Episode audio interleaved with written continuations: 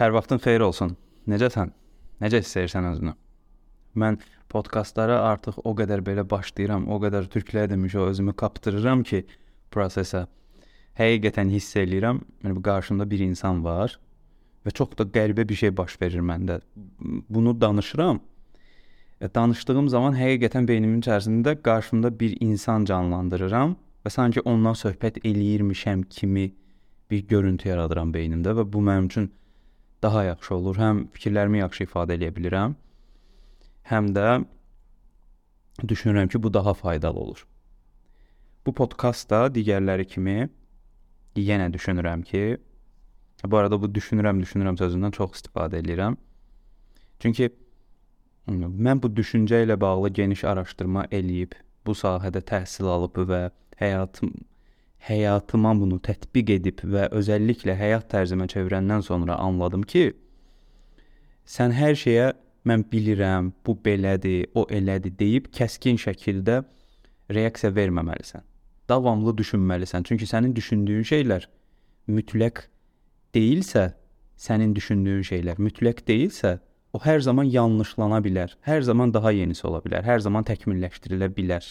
Ona görə həmişə düşünürəm ki, bu belədir, bu belə olsa belə olar və fikirlərimi bölüşürəm və bu məsələləri daha etik, daha maraqlı və daha təkmilləşdirici formada izahdır deyə düşünürəm.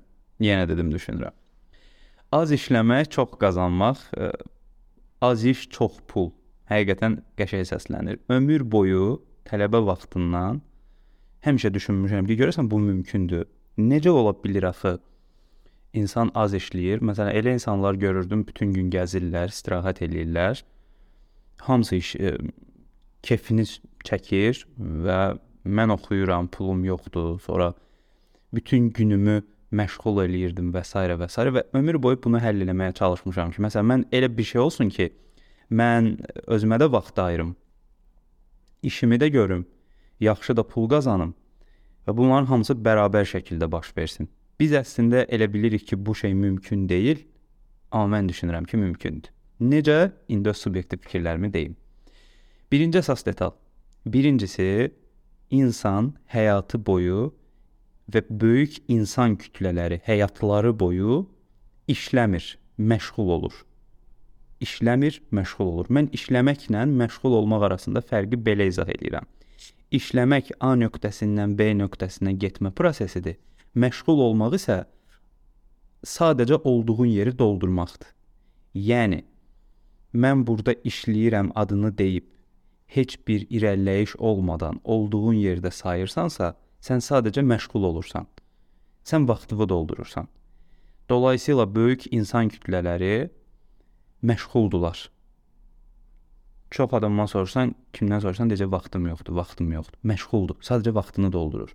Gedirsən işə, 9-dan 6-ya, 10-dan 6-ya indi artıq saat neçədirsə, 8-9 saat orada olursan, hətta biraz da çox saxlayırlar. Gəlirsən evə, yemək yeyirsən, yatırsan, bir də eyni şey. Rutin insanı çürütməyə başlayır. Bax indi bu şəkildə ifadə dediyim zaman beyinə bir düşüncə gəlir ki, neyniyək? İşimizi gücümüzü ataq, gedib biznes quraq özümüzə, boş-boş gəzək və s. və s. Əslində demək istədiyim bu deyil. Demək istədiyim əsas məqam düşüncə ilə bağlıdır. Düşüncəni mən bezdim, yoruldum, bu nədir? Nə qədər olar bu yönümündə deyil. Bu mənim üçün müvəqqətidir və hər zaman daha yaxşısı ola bilər və mən bunun üçün işləməliyəm. Məntiq üzərində, perspektivlər üzərində, prinsiplər üzərində qurmaq məsələsi daha effektiv nəticə verir. Çünki heç kim 8 saat işləmir, 9 saat işləmir. Maksimum günümüzün 3 saatı, 4 saatı produktiv olar, məhsuldar olar. Digər saatlarında çox da nəticələr əldə edə bilmirik. Ona görə vaxt itiririk biz ə, e, və bir yerdən də sonra baxırıq ki, müəyyən bir yaşa gəlmişik, amma istədiyimiz heç bir nəticə yoxdur. İkinci əsas məqam az işləyib çox pul qazanmaq məsələsindəki məqam maddi və mənəvi qazancdır. Yəni sənin maddi tərəfinlə mənəvi tərəfin balanslı olduğu zaman sənin o az işləyib çox qazanma prosesin bitmiş sayılır.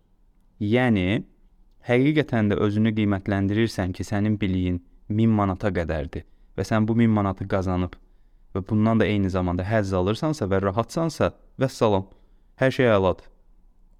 Niyə? Çünki sən özünün fərqindəsən ki, biliyin bura qədərdir və sən bu qədər qazanırsan. Mən mənim biliyim çoxdur, amma qarşılığında bu qədər qazanıram deyən adamla hələ bir adam görməmişəm ki, həqiqətən biliyi o pula dəysin ya da ki o puldan daha çox olsun.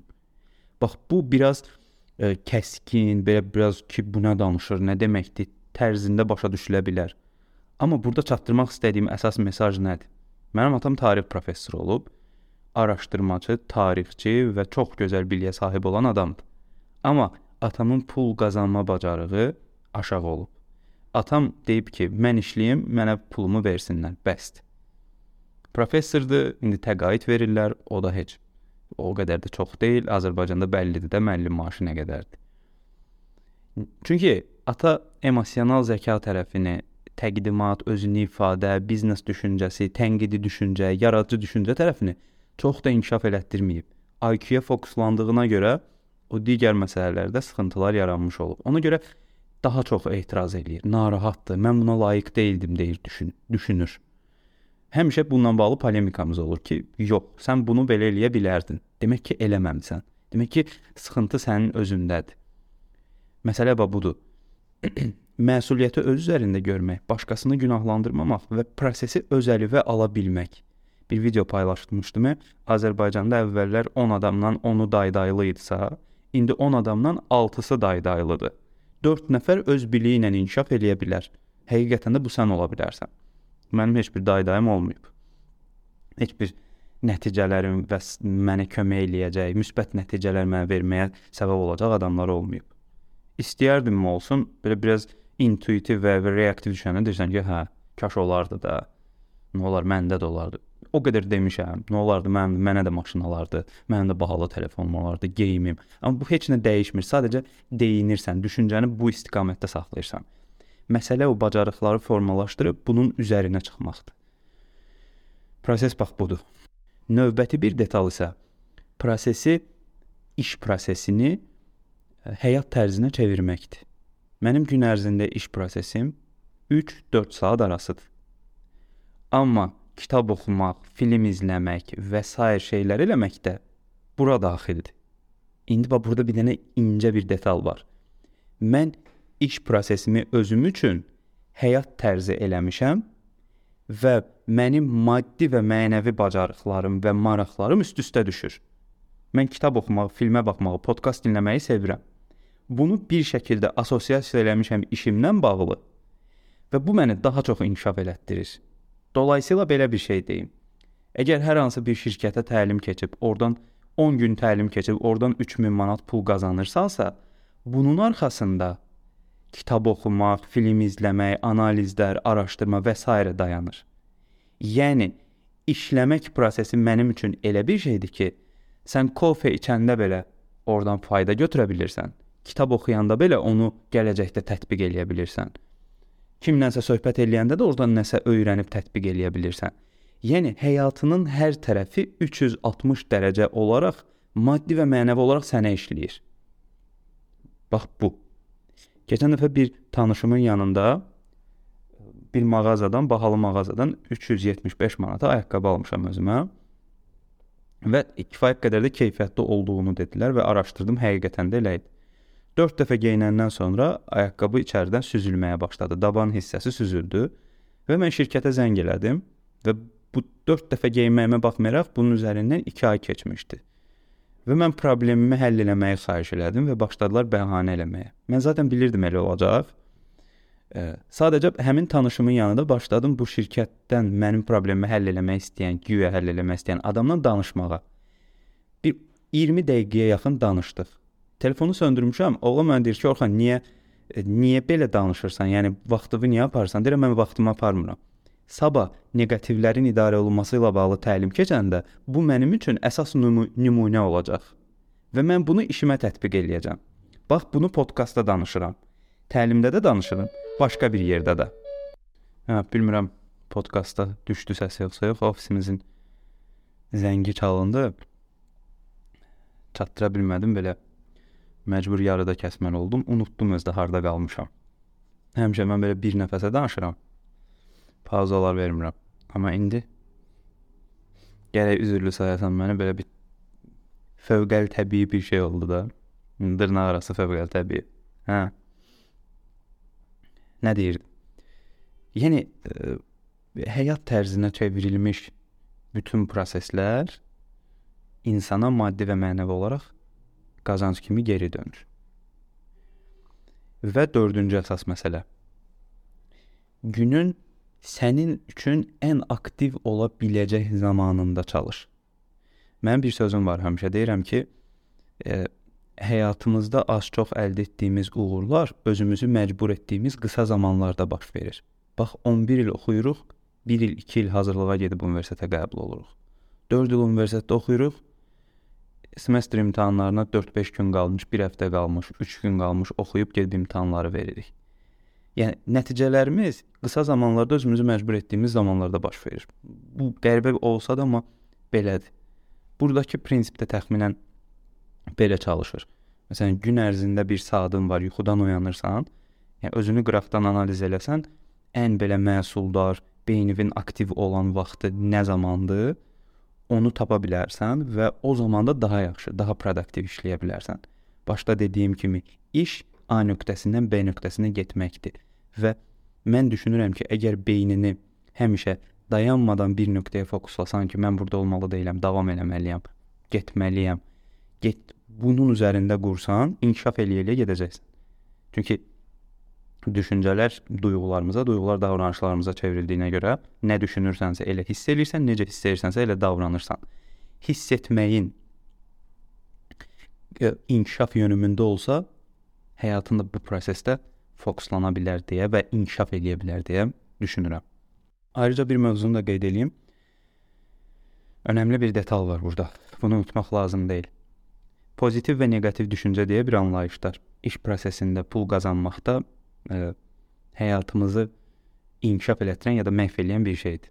Mühit məsələsi çox əhəmilidir. Mühit nə qədər neqativ, narahat, inkişaf etməyən, sıxıcı, deyingən insanlardan ibarətdirsə, o qədər problemin çox olur. Düşüncə neqativləşir.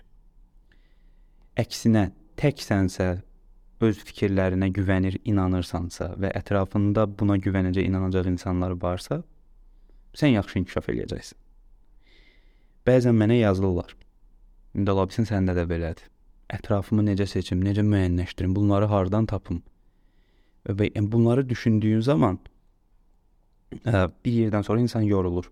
Çünki insanın birinci öz ailəsi, sonra dost tanışı, olduğu mühit qəbul eləmir və bu da insanı daha böyük sıxıntılara aparır, çıxarır. Yəni burada əsas detal çox da bunu fikirləşib bunu hardan tapacağam, necə eləyəcəm, bezdimi, ayda Azərbaycanda bu mümkün deyil deyib neqativə qapılmaq lazım deyil.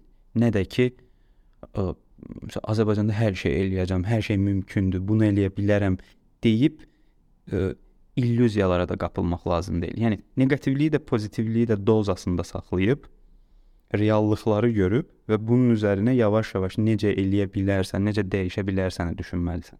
Ki burada da ən önəmli detal bacarıqlardır ki, bacarıqları formalaşdıra, formalaşdıra bu prosesi tənzimləyirsən. Hə bu arada 5 il sonra bizə nə bildiyin yox, nə bacardığını soruşacaqlar. Çünki bacarıqlar nə qədər çoxdursa, biz müasir insandan 1-0 öndəyik.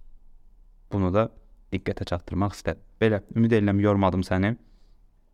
Bol-bol biliklər və bol-bol qazanclar arzulayıram. İnanıram ki, bu proses olacaq. Dinlədiyinə görə təşəkkür edirəm. Növbəti podkastda görüşərik.